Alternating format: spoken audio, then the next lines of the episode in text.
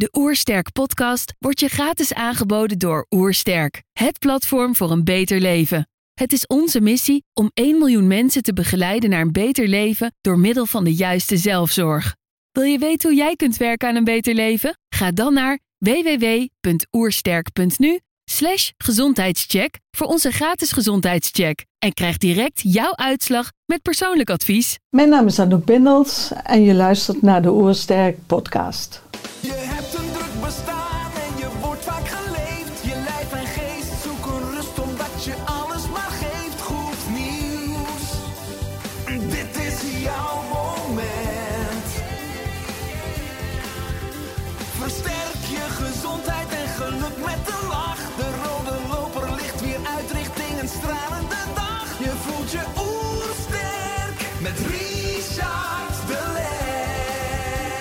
zijn hier in Heemskerk voor een podcast met Anouk Bindels. Anouk is psycholoog en hart-breintrainer. Ze is auteur van het boek Wijsheid van Trauma, met hart en brein naar heling. Ik ben benieuwd naar haar tips voor een beter leven. Trouwens, geniet je van onze podcast? Abonneer je dan en laat een reactie of review achter. Zo help je ons om het gezondheidsvirus te verspreiden. Let's start! De Oersterk Podcast. Een ontdekkingstocht naar een beter leven. Anouk, welkom. Ja, dankjewel voor de uitnodiging. Met liefde. Ik lees op je website. Om blijvende veranderingen te realiseren, werk je met het hart en brein. Eh, Hoe werken hart en brein precies samen? Ja, het zijn twee hele krachtige systemen. Hè? En we weten eigenlijk, als we, als we naar de evolutie van het brein kijken, dat de voorloper en de samenwerking van het brein is eigenlijk zijn de darmen. Hè? En eh, de darmen hebben een hele, zijn eigenlijk de voorlopers van het brein in de ontwikkeling. En het hart is het tweede grote systeem wat daarbij komt. En daardoor is hart en brein eh, is een hele sterke, krachtige verbinding. Het zijn twee krachtige systemen die in en met het lichaam samenwerken. Ja, want ik vond het mooi dat je beschrijft ook heel erg de ontwikkeling in de neurowetenschap. Ja. En ik las dat het hart heeft een eigen klein breintje van zo'n 40.000 gespecialiseerde neuronen, dus zenuwcellen. Ja, absoluut. En het denkt, het voelt onafhankelijk van het craniale brein. Dus daar zit een eigen eh, ja, brein, een wi- wi- wi- wijsheid in. En de ontdekker van dat eh, kleine brein, zoals we het noemen, is eh, Jay Amor. Dat is een cardioloog geweest, een wetenschapper, die onderzocht heeft dat het hart eigenlijk een eigen neuraal netwerk heeft. Wat dus onafhankelijk van het craniale brein denkt, voelt, dus informatie ook opslaat en onthoudt. En dus naar het brein communiceert. En daarmee zeggen we dus ook, er zit een eigen wijsheid in dat hart. Ja. En daarmee in het voelen. Want het lichaam is de taal van de gevoelens. Het hart zit in het lichaam. Communiceert. Daar komen we zo misschien nog wel op wat eh, met het hart eh, communiceert en wat daarvoor verantwoordelijk is. En eh, daardoor voelen en ervaren wij ook alles in het lichaam. Ja, krachtig. Ja. Ja, want ik lees eh, dat je schrijft: Mijn hart- en brein-methode voorziet je van handvatten die je in staat stellen om ook in de toekomst te blijven veranderen en helen. Eh, waarom zijn zoveel mensen star en bang voor verandering? Ehm, dat heeft veel te maken met conditionering en programmering.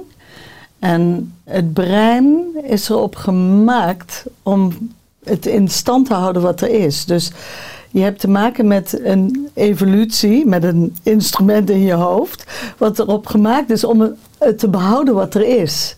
Dus verandering is gewoon lastig, want het brein is erin is, zeg maar, is de functie van het brein is te behouden wat het is, jou te beschermen.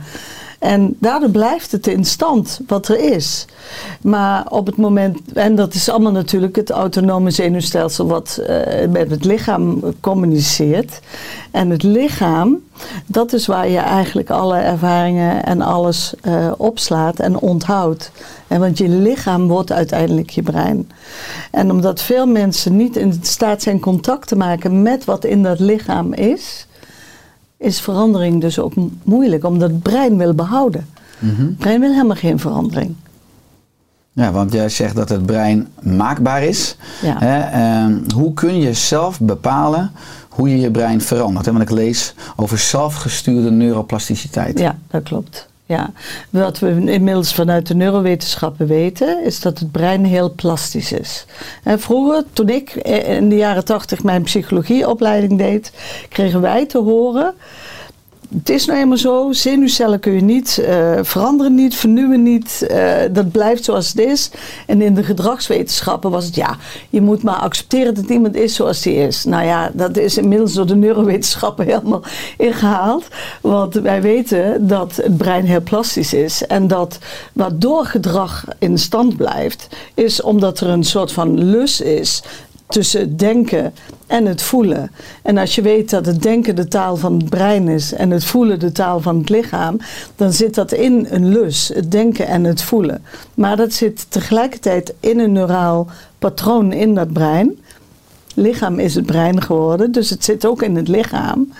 En omdat het brein wil behouden, is het heel lastig om te veranderen. Maar als je bewustzijn er naartoe kan brengen, dan kan je daar bewust iets in gaan veranderen en aansturen. Want het brein kan veranderen. Dat weten we. Het is neuroplasticiteit heeft laten zien dat uh, neurale netwerken die niet meer met elkaar vuren en zich niet meer met elkaar verbinden, dat dat ook stopt. Dus we hebben gezien dat mensen nieuwe dingen kunnen aanleren.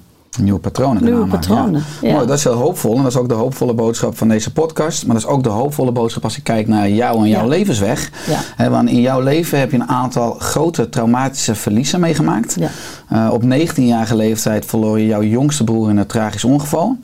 Uh, tien jaar later stierf jouw eerste echtgenoot. je was toen 30 jaar uh, jong. je leed vele jaren aan angsten en depressies. En op 10 juni 2007 pleegde jouw tweede man zelfmoord. Ja. Hij liet geen briefje achter en daarover zeg je van hij liep gewoon het huis uit en liet me achter met onze kinderen. Op dat moment in 2007 was je heel succesvol in je werk. En je werkte voor een grote GGZ-instelling. Toch voelde je als psycholoog dat je geen handvatten had om hiermee om te gaan. Je zat in een grote uh, chronische stressreactie. En je leefde een aantal jaren vooral door de emoties van woede, schuld, schaamte, verdriet en angst. En toen? Toen werd ik ziek.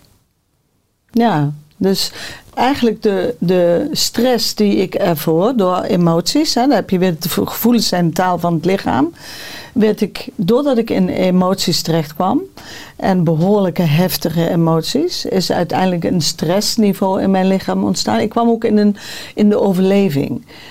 ik bedoel, mijn man was plotseling weg en ik bleef achter met kinderen. Ik bleef achter met een baan, eh, familie. Eh, ik moest door voor mijn gevoel. Maar wat ik niet door had, was dat op het moment dat de politie bij mij aan de deur kwam en met die boodschap, dat eigenlijk, ik kan me dat moment nog heel goed herinneren, want ik voelde gelijk een soort van dit, wow, stok hier. Maar het benam gewoon letterlijk mijn adem. En ik kreeg echt zo, wow, hier zo, en, ja, en een verkramping in mijn maagstreek. En die, dat is uiteindelijk uh, mijn normale staat van zijn geworden. Zonder dat ik het door had. Hè? Want we praten hier over voorwaarts leven, achterwaarts begrijpen. Hè?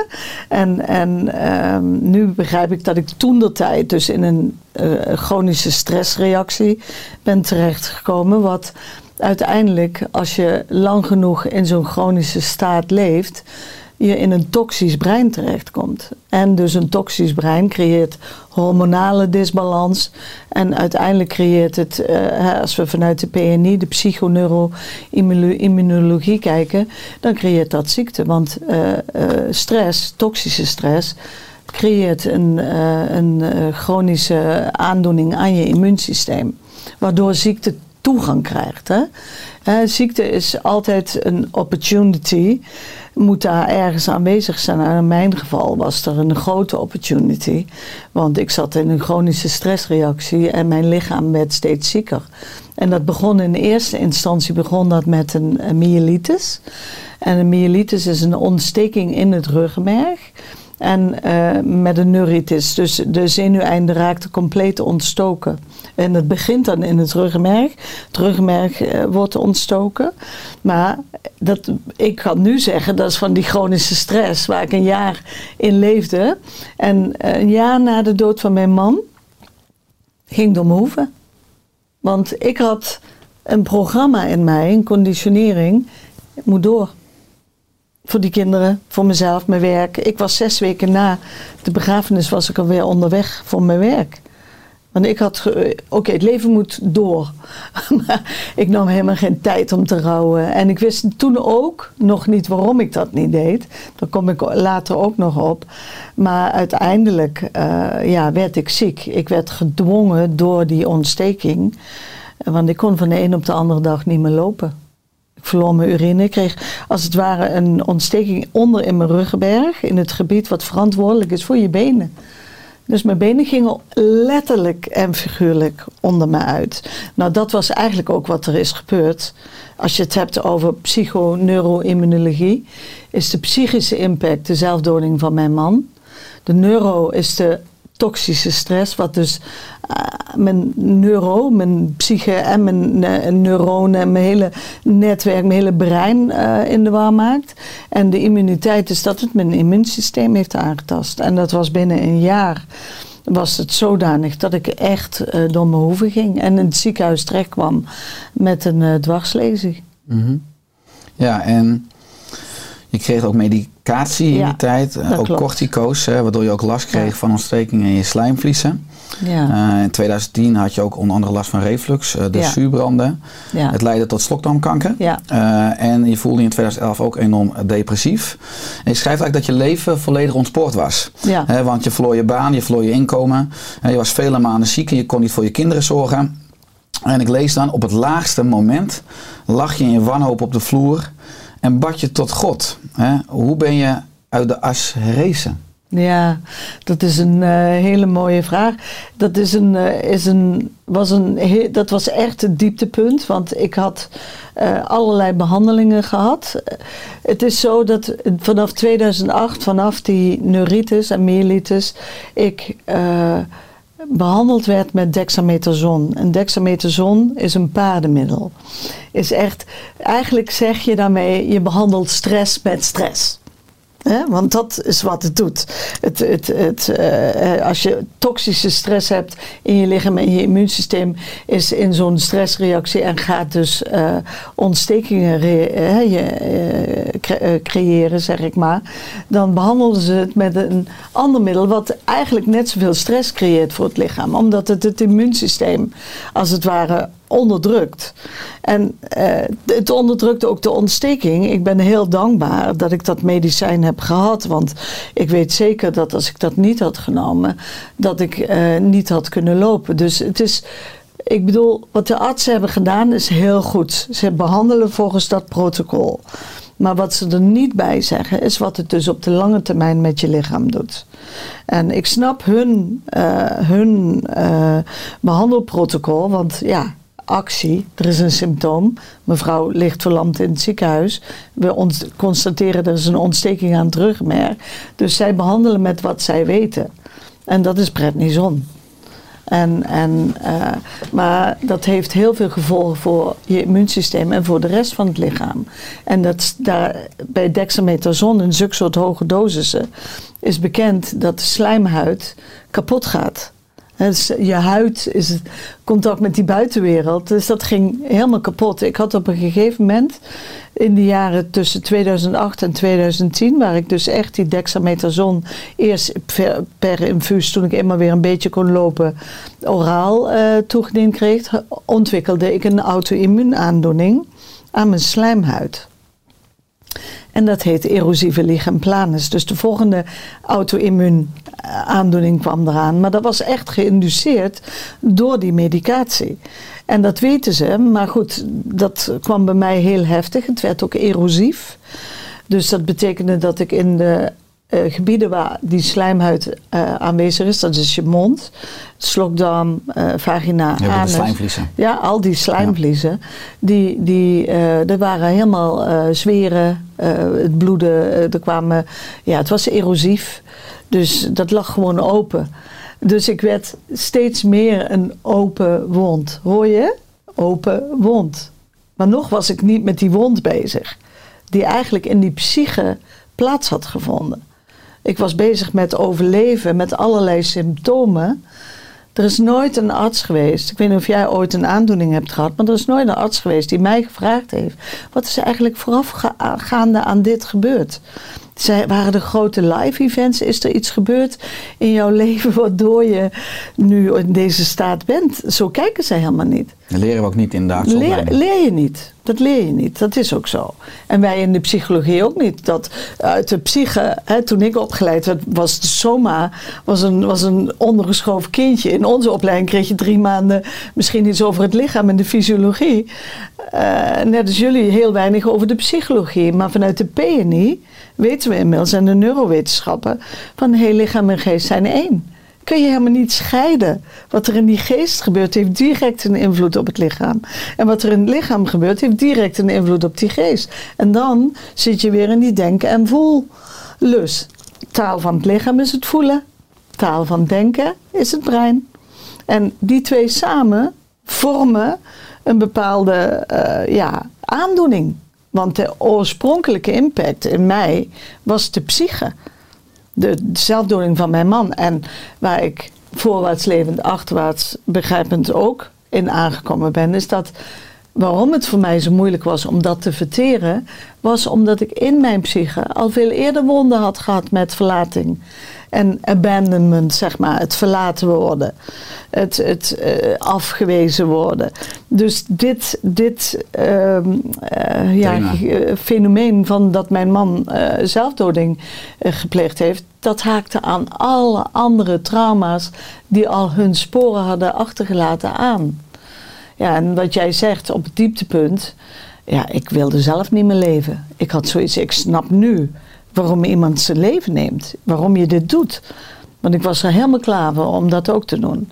Was het niet dat die dezelfde dag. En ik had echt, ik lag echt op de grond en ik was aan het huilen. En ik dacht, hoe moet ik hier nou uit? Want het wordt alleen maar erger. Het wordt alleen maar slechter. Hoe kom ik hier uit? Ja, belt een vriendin die middag. Goede collega, goede vriendin. Die bij dat hele proces heel nauw betrokken was. En die zegt tegen mij, Anouk. eh, ik, toen vroeg ze natuurlijk hoe gaat het. En ik, ah, het gaat niet. En het is echt, ik weet niet meer hoe ik verder moet. En ik ben het helemaal zat, al die artsen. En de een zegt dit en de ander zegt dat. En ik word niet beter. En toen zei ze tegen mij, wordt het niet eens tijd dat jij buiten de gebaande paden gaat kijken. Want zij was toen al een jaar lang bezig met het werk van Joe Dispenza en eh, Bruce Lipton en Greg Braden en al die wetenschappers, die pioniers op het gebied. eh, Candace Spurt had ze maar. eh, Dat boek had ik al thuis. van Molecules of Molecules of Emotion. Emotion van Candace Spurt. Dat had ik al een jaar thuis liggen. Nooit ingekeken. Maar zij bracht mij op dat pad. Ze zei: Jouw psychologenbrein wil dit. Je moet toch willen dat je een oplossing vindt. Toen zei ik: Ja, dat wil ik wel. Eh, Geef me maar iets. Ik heb iets nodig. En toen zei ze: Nou, eh, in maart, dat, dit was in, in, februari. eh, in maart komt Joe Dispenza naar Nederland. En die geeft een weekend. Maar ook een lezing. Ik ga naar die lezing, ik nodig je uit. Het was een Doorn in de Zonneheuvel. Een ehm, conferentieoord. En eh, toen zegt ze, maar als je het leuk vindt het weekend, dan eh, zorg ik ook dat jij het weekend kan gaan. Ik zeg, oh, nou, ja, ik kijk wel. Ik wil eerst alleen de lezing, weet je. Zo was ik toch, hè? Analytische geest afhouden. Eerst eens even, eh, ga je maar eens bewijzen, meneer, hè? Nou, en die avond was ik al verkocht. Want hij bracht het voor mij in een paar zinnen samen. En dat was dat hij zei: Je lichaam voelt en is het brein geworden. En je denken houdt dit in stand. En er is hoop. Je kan dit doorbreken, want je brein is zo plastisch als maar wat. En ik weet als neurowetenschapper, want ik heb heel veel breins onder de scanner gehad, hoe dat werkt. En eh, dit weekend gaat daarover. Dat was zijn level 1, de progressive, die hij toen nog gaf. Mooi, ja, je bent jezelf letterlijk gaan reprogrammeren. Hè, want dat is de, zo hoopvol dat, dat het verleden niet vaststaat, maar dat het leden, het verleden Precies. eigenlijk veranderbaar is. Ja. En daarin eh, zeg je ook, je bent in staat om invloed uit te oefenen over wat je denkt en gelooft. En zodoende, eh, zodoende over hoe je je voelt en gedraagt, ongeacht wat er in je verleden heeft plaatsgevonden. Waarom zit deze belangrijke kennis niet in het basisonderwijs? Ja, dat vraag ik me dus ook altijd nog af.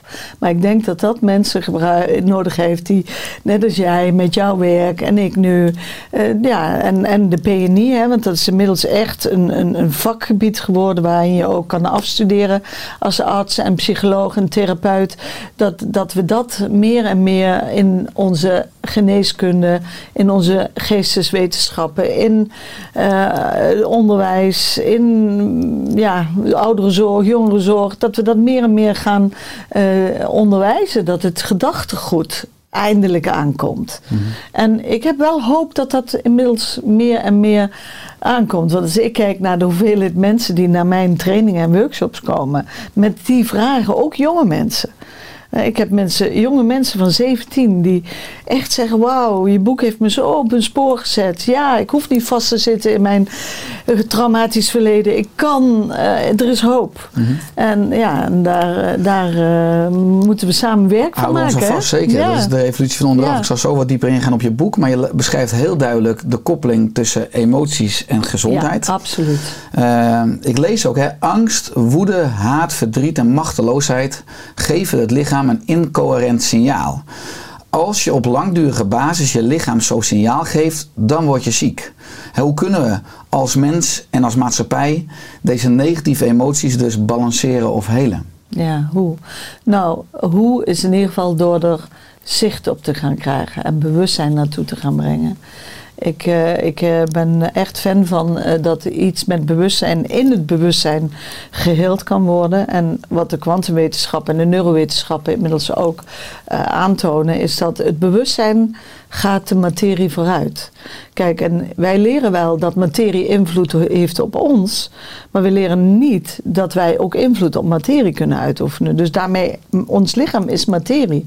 En als wij zeggen bewustzijn gaat de materie vooruit, dan kunnen we met ons bewustzijn invloed uitoefenen op de materie. Maar als de materie vastzit, en dan komen we op het stukje spiritualiteit en energetisch. Als het eh, lichaam vastzit in een bepaalde constellatie, energetisch, emotioneel, mentaal, fysiek, dan blijft het. En door middel van bewustzijn daar naartoe te brengen, kunnen we iets veranderen. Omdat we het in het licht brengen, in het bewustzijn. Wetende dat het bewustzijn de materie vooruit gaat, weet je ook dat je de materie kan veranderen. Nou, dat is natuurlijk een concept wat mensen eerst moeten weten dat ze dat überhaupt hebben. Dat ze, dat, dat ze die kracht hebben. Dat ze met hun denken een realiteit kunnen scheppen. Dat is een, heb ik nooit geleerd op school. Jij? Helaas ook niet. Nou, Nee. wat, je, wat je zegt, ik zeg altijd, het lichaam is voor een groot deel gecondenseerde geest. Hè, dat is eigenlijk wat je beschrijft. Maar als we dan actueel kijken, ook de laatste twee, drie jaar, hè, waar we in Ja. een wereldwijde gezondheidscrisis zitten, wat ook een symptoom is. Uh, ik lees natuurlijk overal in jouw informatie en wijsheid dat je hart-brein ook een ingrijpende invloed uitoefent op het, onder andere het immuunsysteem. Welke inzichten, lessen of oefeningen hadden we de afgelopen jaren ook op de persconferenties wat jou betreft mogen krijgen? Dat we meer hadden mogen focussen op wat er mogelijk is. En wij minder op angst. Kijk, als wij vanuit angst reageren, wat gebeurt er? Wat gebeurt er in je brein als je vanuit angst reageert? Een stressreactie. Ja, en wat gebeurt er op het moment dat je in stress komt? Je gaat vernauwen. Vernauwen, precies. Dus, en wat gebeurt er als je vernauwt en al je aandacht naar angst gaat? Je verkrampt. En je creëert meer van hetzelfde. Ja, meer angst.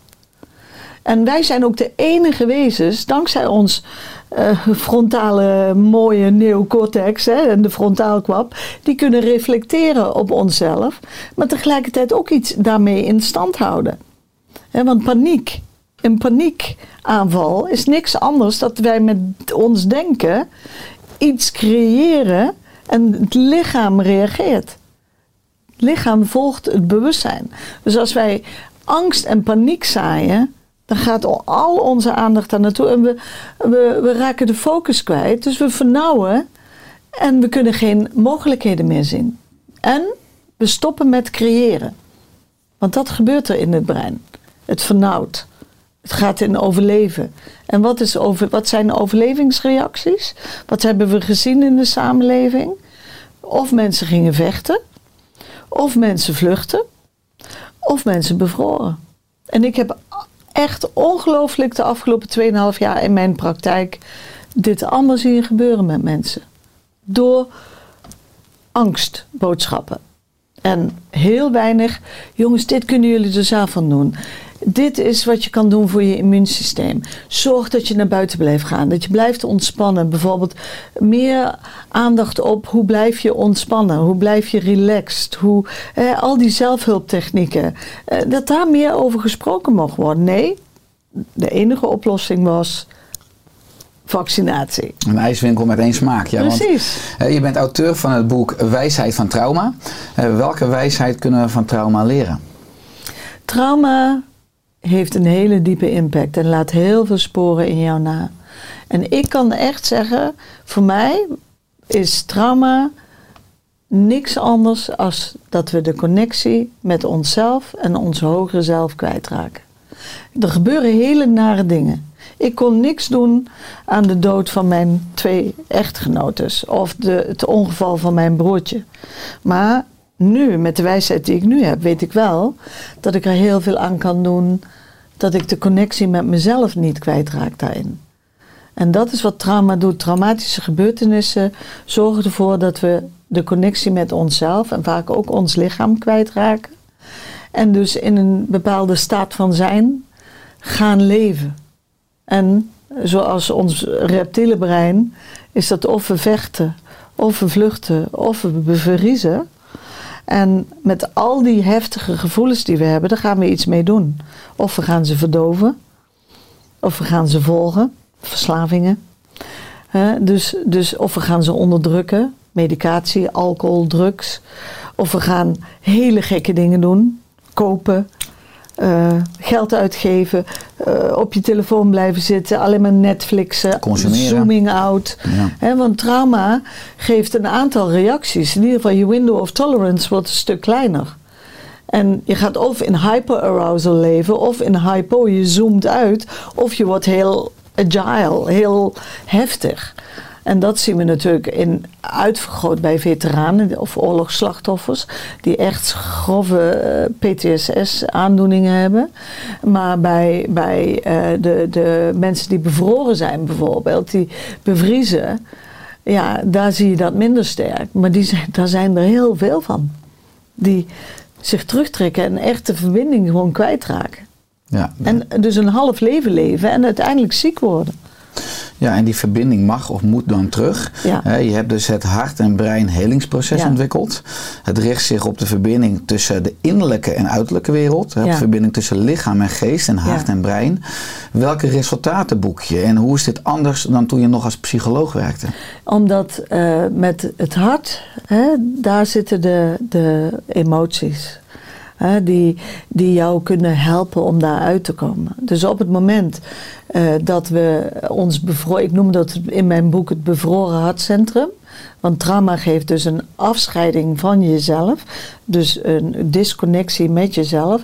Maar dus ook vaak met de meer verheven gevoelens. Hè, liefde, dankbaarheid, compassie, mededogen. Vreugde. Die, vreugde. Die emoties die raken wij kwijt. En dat heeft een hele andere frequentie en trilling, ook voor het lichaam. Als het gaat over een welk energetisch signaal geef je je lichaam als woede, eh, ja, jaloezie, extreem verdriet of onmacht, onzekerheid, haat. Dat zijn emoties waarvan eh, het HeartMath Instituut in Amerika ook heeft onderzocht welke frequentie die emoties hebben. En wat dat met het hart doet en met het signaal naar het brein en vice versa. Dus ja, eh, als je mensen weer in contact wil brengen, zul je ze ook weer in contact moeten kunnen brengen met wat meer verheven emoties. En dat is het, waar het werk over gaat. En daar werk ik eh, met eh Gabor Maté benadering. Dat is Compassionate Inquiry. En die heeft een hele mooie eh, approach voor therapeuten ontwikkeld. Waarin mensen met liefdevolle bevraging eigenlijk weer die connectie met zichzelf kunnen maken. En dus ook met compassie naar zichzelf kunnen kijken. En daar begint het mee. De connectie met jezelf begint dat je gaat kijken, wat, oh god, wat is mij toch allemaal gebeurd. En toen ik echt met liefde en compassie naar wat mij allemaal is overkomen kon gaan kijken, kon ik het ook veel meer gaan voelen wat eraan vast zat. En de pijn voelen. En doorleven. En die sporen die allemaal ergens in dat lichaam staan. Hè, wat, wat Candace Pert en Bessel van de Kolk zo mooi beschrijven in hun boeken. Eh, je lichaam is net als een mobiel netwerk. Dat elke cel in je lichaam zit een receptor voor een emotie. En eh, je autonome zenuwstelsel, autonoom betekent zelfsturend, onbewust, heeft één fout in het programma. Kent het verschil niet tussen of iets waar is of niet. Dus als ik mezelf de hele tijd maar blijf zeggen dat ik het slachtoffer ben van de man die zelfmoord heeft gepleegd, dan, dan, dan zelfmoord is een raar woord. Maar dat zei ik tegen mezelf. En nu kan ik er heel anders naar kijken en zeggen: Goh, mijn man, die had geen zin meer om te leven. En die besloot er zelf een einde aan te maken. Dat is een heel ander verhaal als dat ik zeg: Mijn man heeft zelfmoord gepleegd. En hij had nooit zijn kinderen alleen achter mogen laten. Dan hoor je het verschil in frequentie wat je tegen jezelf zegt. En nou, dat waren dus de overtuigingen en aannames en de denken en voelens waar ik een aantal jaren in zat, zonder dat ik wist dat ik erin zat. Ja, want je was regulier psycholoog, hè? Ja. Eh, veel gangbare denk- en behandelmodellen bieden voor veel mensen onvoldoende aanknopingspunten hè, voor de complexe mentale, emotionele en lichamelijke processen die met trauma en verlies gepaard Ja, gaan. Absoluut. Wat zou jij doen als minister van wijsheid van trauma? Hmm. Een nieuwe post. Dat is een mooie. Wat zou ik doen? Nou, toch echt dat we de verbinding met onszelf terug mogen vinden. Dat we ruimte en rust krijgen. Dat er meer aandacht naartoe gaat op wat er wel mogelijk is. En dat je mensen leert in mogelijkheden te denken, in mogelijkheden te voelen en in mogelijkheden te laten handelen. Want bij het denken en voelen in een negatieve lus, dat ze leren in verbinding een nieuwe toekomst voor zichzelf te scheppen. En wetende dat het lichaam en het brein dat bewustzijn zullen volgen. En daar zou ik op school veel meer aandacht aan willen besteden aan kinderen. Dat we veerkracht helpen ontwikkelen. Dat we helpen ontwikkelen dat er meer zelfreflectie komt op juist het, de emoties. Want dat houdt het lichaam in, de, in die staat. En als wij niet praten over onze gevoelens, wat zoveel mensen niet doen en niet kunnen, omdat ze het nooit geleerd hebben, kunnen we ook niet vanuit die emoties iets veranderen. Want het moet samen veranderen. Emoties en het denken. Maar we weten vaak niet dat de emotionele laag het denkpatroon in stand houdt. En dat is waar ik heel graag in het onderwijs, in de geneeskunde, meer aandacht naartoe zou willen. Maar ja, dan is er ook een duurzame transformatie nodig in de GGZ. Want het gaat Ja, natuurlijk heel erg om de cognitieve psychologie. Ja, absoluut. Maar juist eigenlijk moet de deur ook wagenwijd open voor, voor die spiritualiteit. Voor, het voor die brug bouwen. Precies. Ja, dat is ook wat ik graag zou willen, die brug tussen, tussen die twee eh, wetenschappen. Absoluut. Ja, en ik lees ook van, op jouw levenspad dat eh, bij het hele van jouw trauma meditatie jou enorm heeft geholpen. Ja, klopt. Hè, hoe kunnen we ons hart helen na trauma verlies ook door middel van meditatie? Ja. Als je weet dat eh, je onderbewustzijn, je emotionele brein, hè? we hebben drie breinen. We hebben het reptiele brein, dat is waar alles geautomatiseerd wordt. We hebben het emotionele limbische systeem, dat is onze emotionele en tegelijkertijd chemische brein. En we hebben onze neocortex met die frontaalkwap, waarmee we dus oh, zeg maar kunnen inzicht kunnen krijgen, eh, kunnen plannen en ook kunnen reflecteren. Als we die drie breinen op een goede manier gaan leren laten samenwerken, doordat we weten dat de emoties in ons onderbewustzijn zitten. En we gaan meer in contact met het lichaam en het voelen. En we kunnen daar meer sturing aan gaan geven en regulatie. Want wat gebeurt er in, een auto, in het zenuwstelsel? Dat is vaak veiligheid versus onveiligheid. Als je iets meemaakt. Maar we komen in overlevingsreacties, dus we stoppen ook vaak met het voelen, het waarnemen ervan. En wat belangrijk is, is dat je dat weer gaat waarnemen, wat je voelt. Dat je gaat openen en de toegang vindt tot hé, hey, wat was het eigenlijk voor mij? Wat heeft het eigenlijk voor mij gedaan? Dit. Wat heeft het echt voor mij gedaan? En dat ik me daarmee kan verbinden, daar heb je hem weer. Kan verbinden. In plaats van alleen maar in mijn cognitie, ik moet, maar het niet verbind met het voelen. Ja, dan kunnen we daarin ook veranderen. Hm, Ja, en jij maakt gebruik van audiogestuurde meditaties. Ja. En je schrijft, de meditatie die ik beoefen en doseer draait niet om het stilzitten en simpelweg het hoofd leegmaken. Ik maak gebruik van audiogestuurde meditaties gebaseerd op wetenschappelijke principes. Deze meditaties zijn boeiend en stimulerend om te doen en ze boeken snelle, tastbare resultaten door het veranderen van de frequentie van de hersengolven. Zou meditatie even belangrijk of gewoon moeten zijn als tandenpoetsen? Ja, eigenlijk ben ik van overtuigd. Kijk, want wat gebeurt er op het moment dat je mediteert? Ik had het net over het limbische systeem.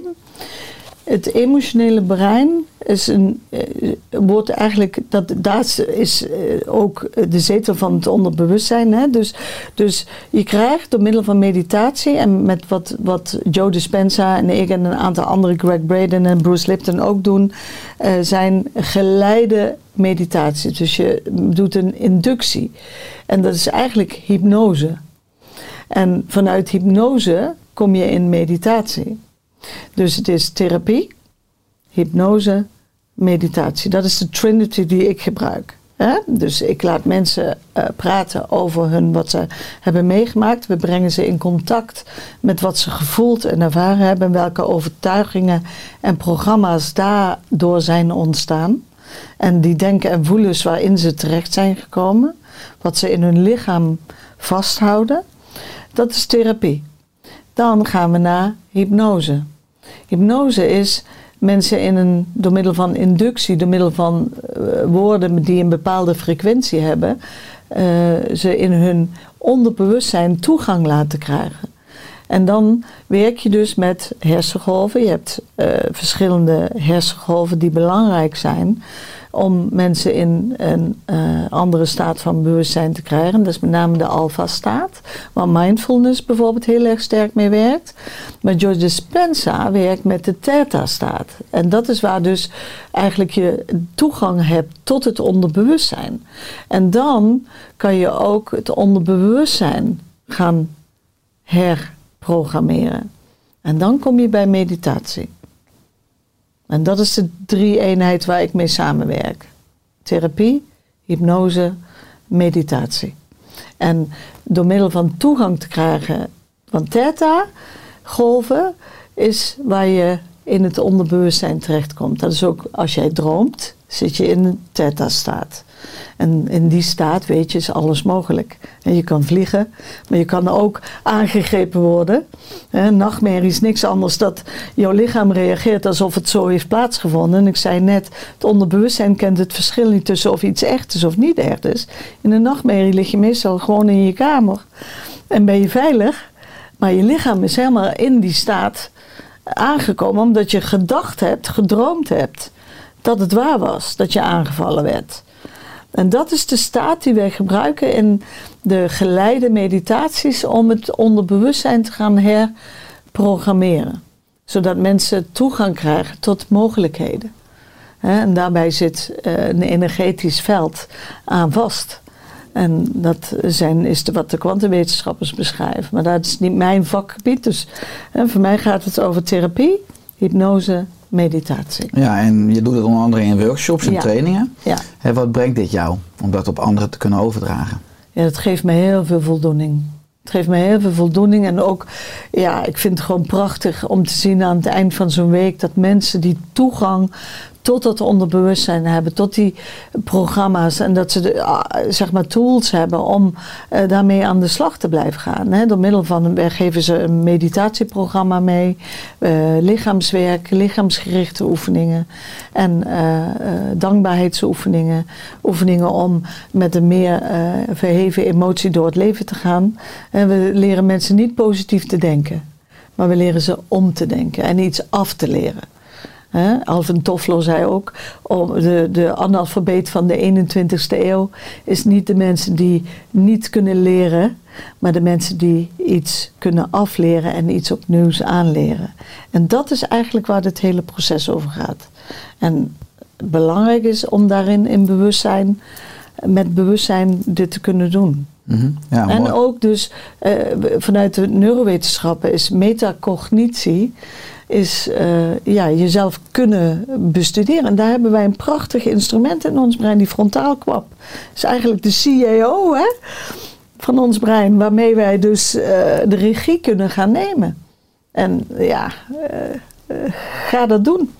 Ja, mooi vind ik dat ik in de hele onderlaag, in je boek, je diensten, maar ook je verhaal nu, voel en hoor ik de liefde.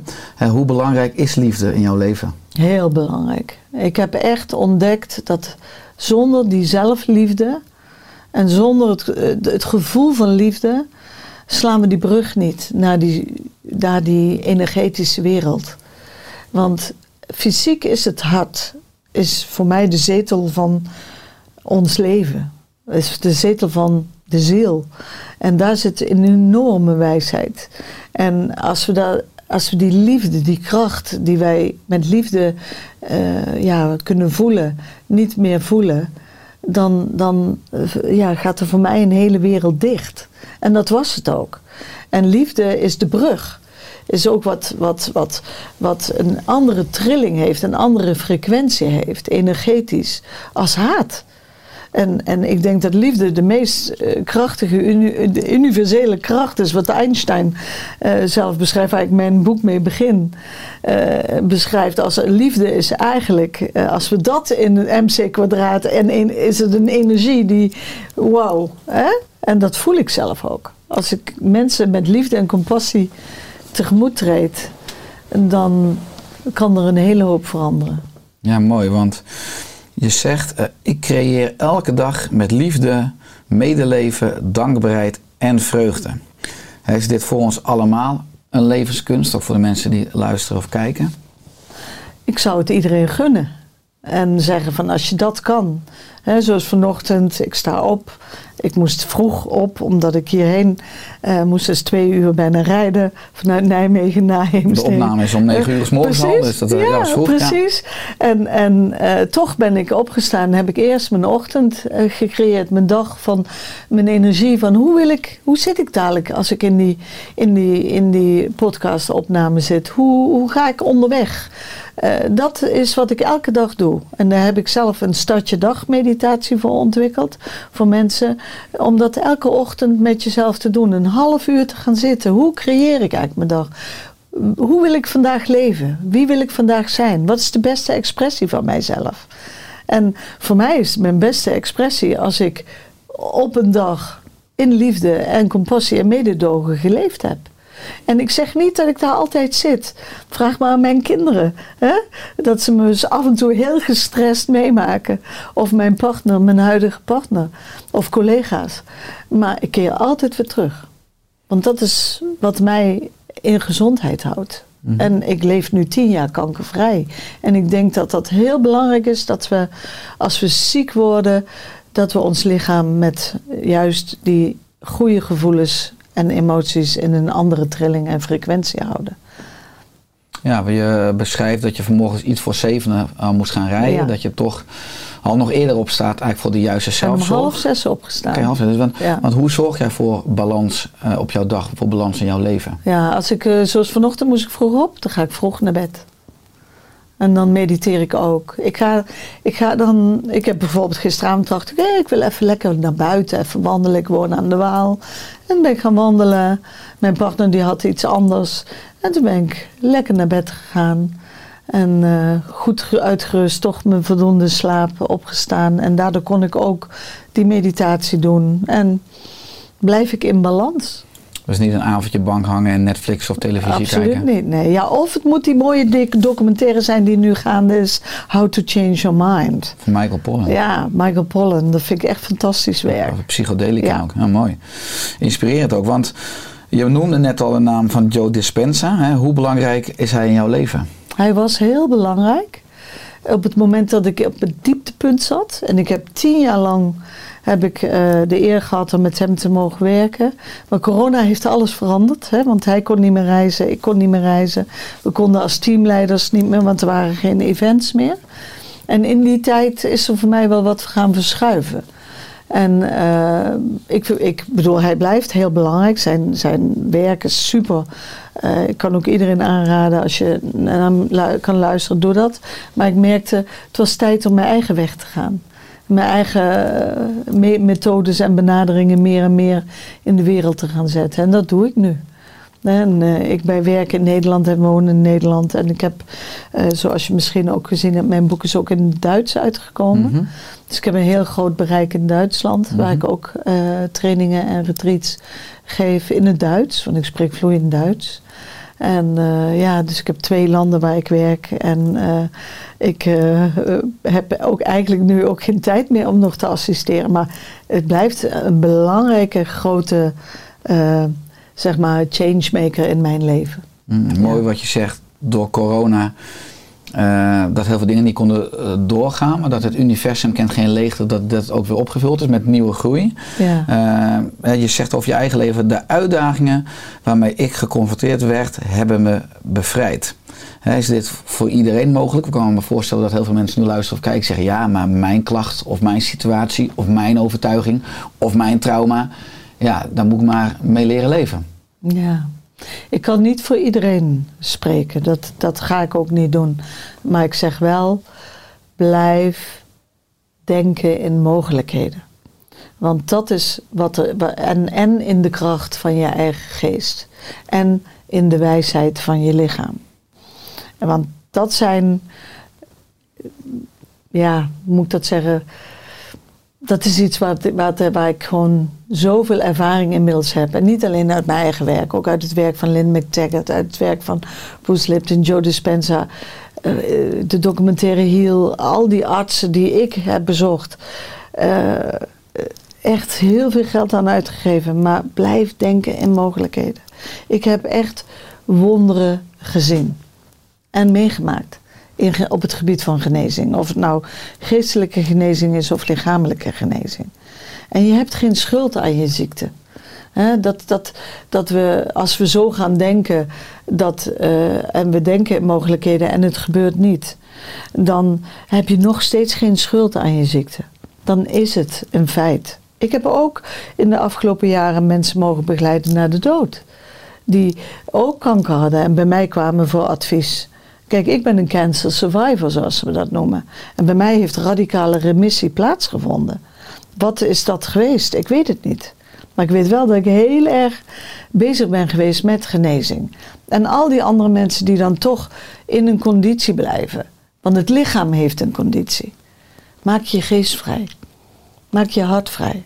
Ook al heeft je lichaam een conditie. Ik heb mensen eh, ondersteund die met MS, ALS in een rolstoel zitten. Waar het lichaam in de conditie bleef. Maar dat er op geestelijk en emotioneel vlak zoveel opende.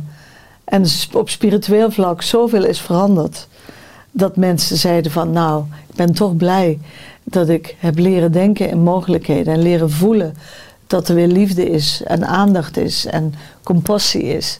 En dat ik toch anders naar mijn aandoening kijk. En dat is ook al heel wat. Want vaak als we een conditie krijgen, gaan we daar helemaal in vastzitten. En alle aandacht gaat daar naartoe.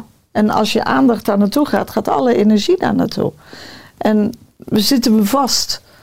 En ik zeg, blijf denken in mogelijkheden, ook al heeft je lichaam een conditie. En wie weet, als het bewustzijn jou dat gunt, dan volgt die materie. Daar gaan wij niet over. Dat is iets, dat, er mag ook nog iets blijven als het mysterie. Overgave. Ja, en het mysterie van het leven. Want dat, dat is nou net het mysterie. We weten het niet. Ja, wat ik mooi vind in jouw opleiding tot psycholoog, hè, vooral op het mentale, hoe ik in de geneeskundeopleiding vooral op het fysieke, hoe belangrijk is het om je alle domeinen verbindt, ook als mens, als professional, om eens het fysieke, mentale, emotionele en spirituele te verbinden. Ja, dat vind ik ontzettend belangrijk. Ik denk dat we, als we echt voor gezondheid kiezen, dat we dat allemaal bij elkaar moeten brengen. En dat we echt veel meer de dingen samen moeten brengen. Maar ja, als je kijkt naar de huidige geneeskunde, wat ik al vertelde in die tijd dat ik in die vier jaar dat ik zieker werd en zieker werd en zieker werd, ik had, eh, zat op een gegeven moment bij vijf verschillende disciplines.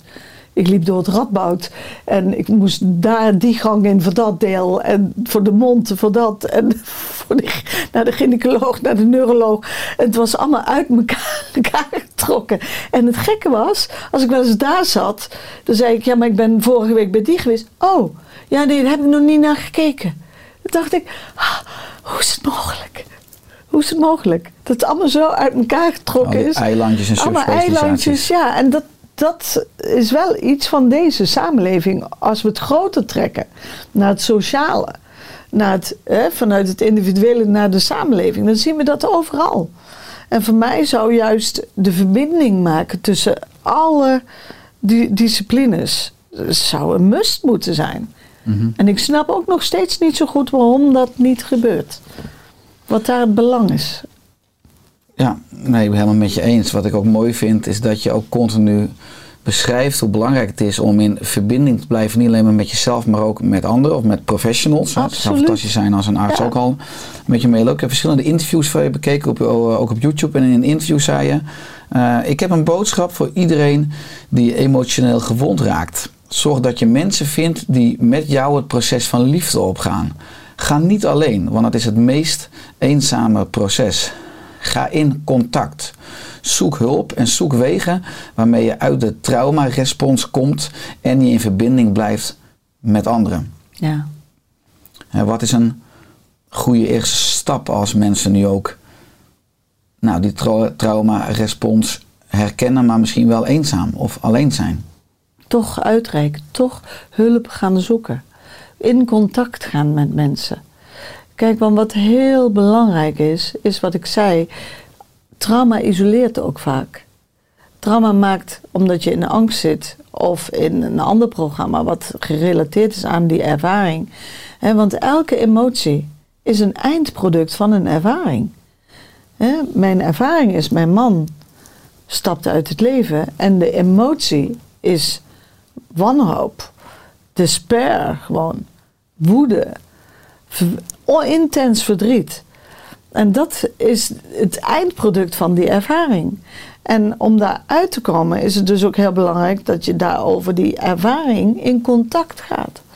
En niet als het slachtoffer wat in die ervaring wil blijven zitten, maar als iemand die zoekt naar wegen, naar hulp en met compassie. Dus ik zou zeker mensen aanraden, zoek iemand die eh, getraind is in het werk van Gabor Maté. Als je echt getraumatiseerd bent, zoek dan mensen op die vanuit die compassionate inquiry met jou aan de slag kunnen gaan. Want zoals ik al zei, is therapie, hypnose, meditatie. Want op een vulkaan kan je niet gaan zitten mediteren. Het is belangrijk dat je gaat zien, waar zit dit? Hoe voelt dit? Wat doet het met me? En van daaruit de opening vindt om misschien een nieuwe mogelijkheid voor jezelf te gaan zien. En van daaruit een pad van meditatie op te gaan. Mooi, voor mij zag ik je noemt nou eh, een aantal keren Gabor Maté. Ja. Ik zag laatst een documentaire van The Wisdom of Trauma. Ja. dat is ook voor, Ja, kan je ook vinden ook als je dat zoekt via Google. Dat is een aanrader voor mensen om ja zeker. die wijsheid van trauma, die documentaire van hem en over hem te, te bekijken. En ik heb eh, persoonlijk met hem, hij komt volgend jaar mei naar Nederland. Dan ga ik samen met hem een weekend doen. Ja, dat is mei 2023. Ja. En de podcast komt waarschijnlijk pas later uit. Dus Ja. dat horen mensen dan als Ah, het geweest ja, is. precies. Ja, ja. ja. Dus het staat in de planning dat je samen met hem. Ja, ja, Bijzonder. ja. Bijzonder. Ja, want wat heel grappig hier is, en dat moet je anders dan maar even uitsnijden. Nee, alleen maar leuk. Alleen maar leuk. Is dat eh, eh, mijn boek en de titel. En eh, toen kwam, ik was, zat toen in de opleiding met hem, de Compassionate Inquiry. En dat was natuurlijk door corona allemaal online. En toen kwam, vertelde hij van. Mijn, en mijn Nederlandse boek kwam uit vorig jaar. En, en toen zei hij: Ja, er komt een film, Wisdom of Trauma. En toen zei ik. Zei hij, but I stole your title. Dat is een compliment. ja, Leuk. mooi hè? Leuk. Ja. Wat is het gekste? Je benoemt een aantal dingen natuurlijk, maar omdat je ook wonderbaarlijke genezingen, spontane remissies, ook in je eigen leven, maar je hebt enorm veel activiteiten en rollen. Wat is nou het gekste dat je hebt meegemaakt in de context eh, wat op jou enorm impact heeft gemaakt? En hoe bedoel je? Eh, In je trainingen, in je workshops, in je sessies, eh, in eigenlijk al die fantastische docenten en zielen en al die reizen. Je hebt enorm veel internationale ervaring. En nou, het, het, het, het meest bijzondere wat ik heb meegemaakt, en dat is wat ik eh, recent eh, ook in ben gaan verdiepen om dat als therapeut toe te passen, is dat ik eh, met een aantal eh, professionals de reizen met de psychedelica heb gemaakt. Dus met de truffels. En dat in mijn werk als professional nu ook in mijn werk opneem. Het werken met psychedelica en trauma. Om het eh, bewustzijn te verruimen. Ja, precies. Omdat ik heb gemerkt, en dat was echt voor mij, er ging een wereld voor mij open in dit eh, veld. Hè, want dat is ook een heel vakgebied, hè, het werken met psychedelica en trauma. En er is inmiddels heel veel research naar gedaan. In september van nu, dit jaar, is er in Haarlem een driedaagse conferentie. Psychedelica en therapie. En eh, in Nederland zijn er een aantal studies binnen de Universiteit van Maastricht en eh, Radboud, die ook echt onderzoeken hoe het werkt. En ik heb zelf een aantal eh, sessies gedaan. En dat heeft me ook echt verder geholpen. En dat was wel het gekste wat ik nooit had verwacht. Dat dit eh, mij zoveel zou kunnen brengen. Ja. Naast dat ik al mediteer. En mediteren en psychedelica gaan vaak samen. Hè, maar dat het zo gebruikt kan worden dat je ook eh, th- therapeutisch ermee kan werken. Dat was voor mij wel echt nieuw. Als je het hebt over trauma en helen, dat dit weer nieuw is en dat, dat je ook weer verder geholpen hebt. Maar ben je ooit klaar met helen? Kan je het ook ooit afronden, een strik eromheen en zeggen van nou, dat is helemaal geheeld? Ik, ik, ik Nee, want het leven geeft je voortdurend weer situaties. Hè? Eh, straks overlijdt weer iemand bij een dierbare, of er gebeurt iets met je kind. Of eh, het leven geeft je gewoon situaties. Maar wat ik zeg, ik raak de verbinding met mezelf nu niet meer kwijt. Want ik weet gewoon nu, ik heb handvatten. Oké, wat er ook gebeurt, ik ben veerkrachtig genoeg om de verbinding met mezelf te houden. Ja, auw, auw. Het leven doet soms gewoon verdomd pijn. En de dingen die er gebeuren. Maar ik weet nu dat ik het op een goede manier kan omarmen wat ik voel. Ik vecht er niet meer mee. Ik hoef er niet meer van weg. Ik hoef het niet meer te verdoven. Ik hoef het ook niet meer eh, te bevechten. Hè? Het, het, het, het, het, het mag er zijn. En met compassie Ja, en mooi. liefde. Mooi. Wat is je missie of je droom voor aankomende jaren? Nou, wat jij al heel lang doet, mensen opleiden. En dus therapeuten bewust maken van eh, dat trauma niks anders is dan het kwijtraken van de verbinding met je hogere zelf. En dat het lichaam daarin meegenomen moet worden. Dat daar het voelen in meegenomen moet worden. En dat we daarmee een, in het brein pas verandering brengen. En niet alleen vanuit cognitie. Want als we het lichaam en het voelen er niet in meenemen, verandert er niks. Want het brein is dan totaal niet gemotiveerd om te veranderen. Het wil het toch alleen maar behouden dan. En ja, dat is waarom zoveel therapieën ook mislukken. Eh, is mijn idee, hè? Daar zie je heel, ben ik heel stellig over. Omdat ze vergeten het lichaamswerk erin mee te nemen. Ja, dus daarom die holistische aanpak, al die domeinen. holistisch, ja. Mooi. En ook is er aan het einde van de podcast nog iets dat je graag wilt toevoegen of aanvullen? Ik, volgens mij hebben wij eh, een mooi rond gesprek eh, gehad. Nee. Mooi, fijn. Waar kunnen mensen meer vinden over jou, over workshops, trainingen, over je boek? Eh, ja, het boek kunnen ze gewoon eh, online eh, bestellen. Of bij de uitgeverij Succesboeken of Bolcom. Of het is eigenlijk overal wel te vinden. Ja, de wijsheid en, van trauma. En het liefst natuurlijk gewoon in een boekhandel. Hè. De lokale boekhandel. Eens, steun de Hè, lokale steun economie de en lokale ondernemers. economie. En ga gewoon naar een boekhandel en vraag naar en laat het ze anders bestellen. En, en eh, op mijn website staat eh, bij events en de webshop kunnen ze vinden wanneer ik trainingen geef. En eh, ik heb eh, ook kennismakingsgesprekken. Dus op een maandagochtend heb ik een ochtend open. Er kunnen maximaal vier of vijf mensen per week gewoon een half uurtje met mij sparren. Dat doe ik zo. En ja, individueel. daar zit ik op dit moment wel heel erg vol. Dat is ook iets. Maar goed, ik ben daarom ook net als wat jij zegt, je moet mensen opleiden om uiteindelijk dit eh, door te kunnen geven. Mooie missie. Dankjewel en ook voor je komst in de Oerse podcast. Dank je. Met liefde en dat we samen maar mogen werken aan een wereld met eh, enorm veel vitale hart-brein verbindingen. Ja, dank je wel. Dankjewel.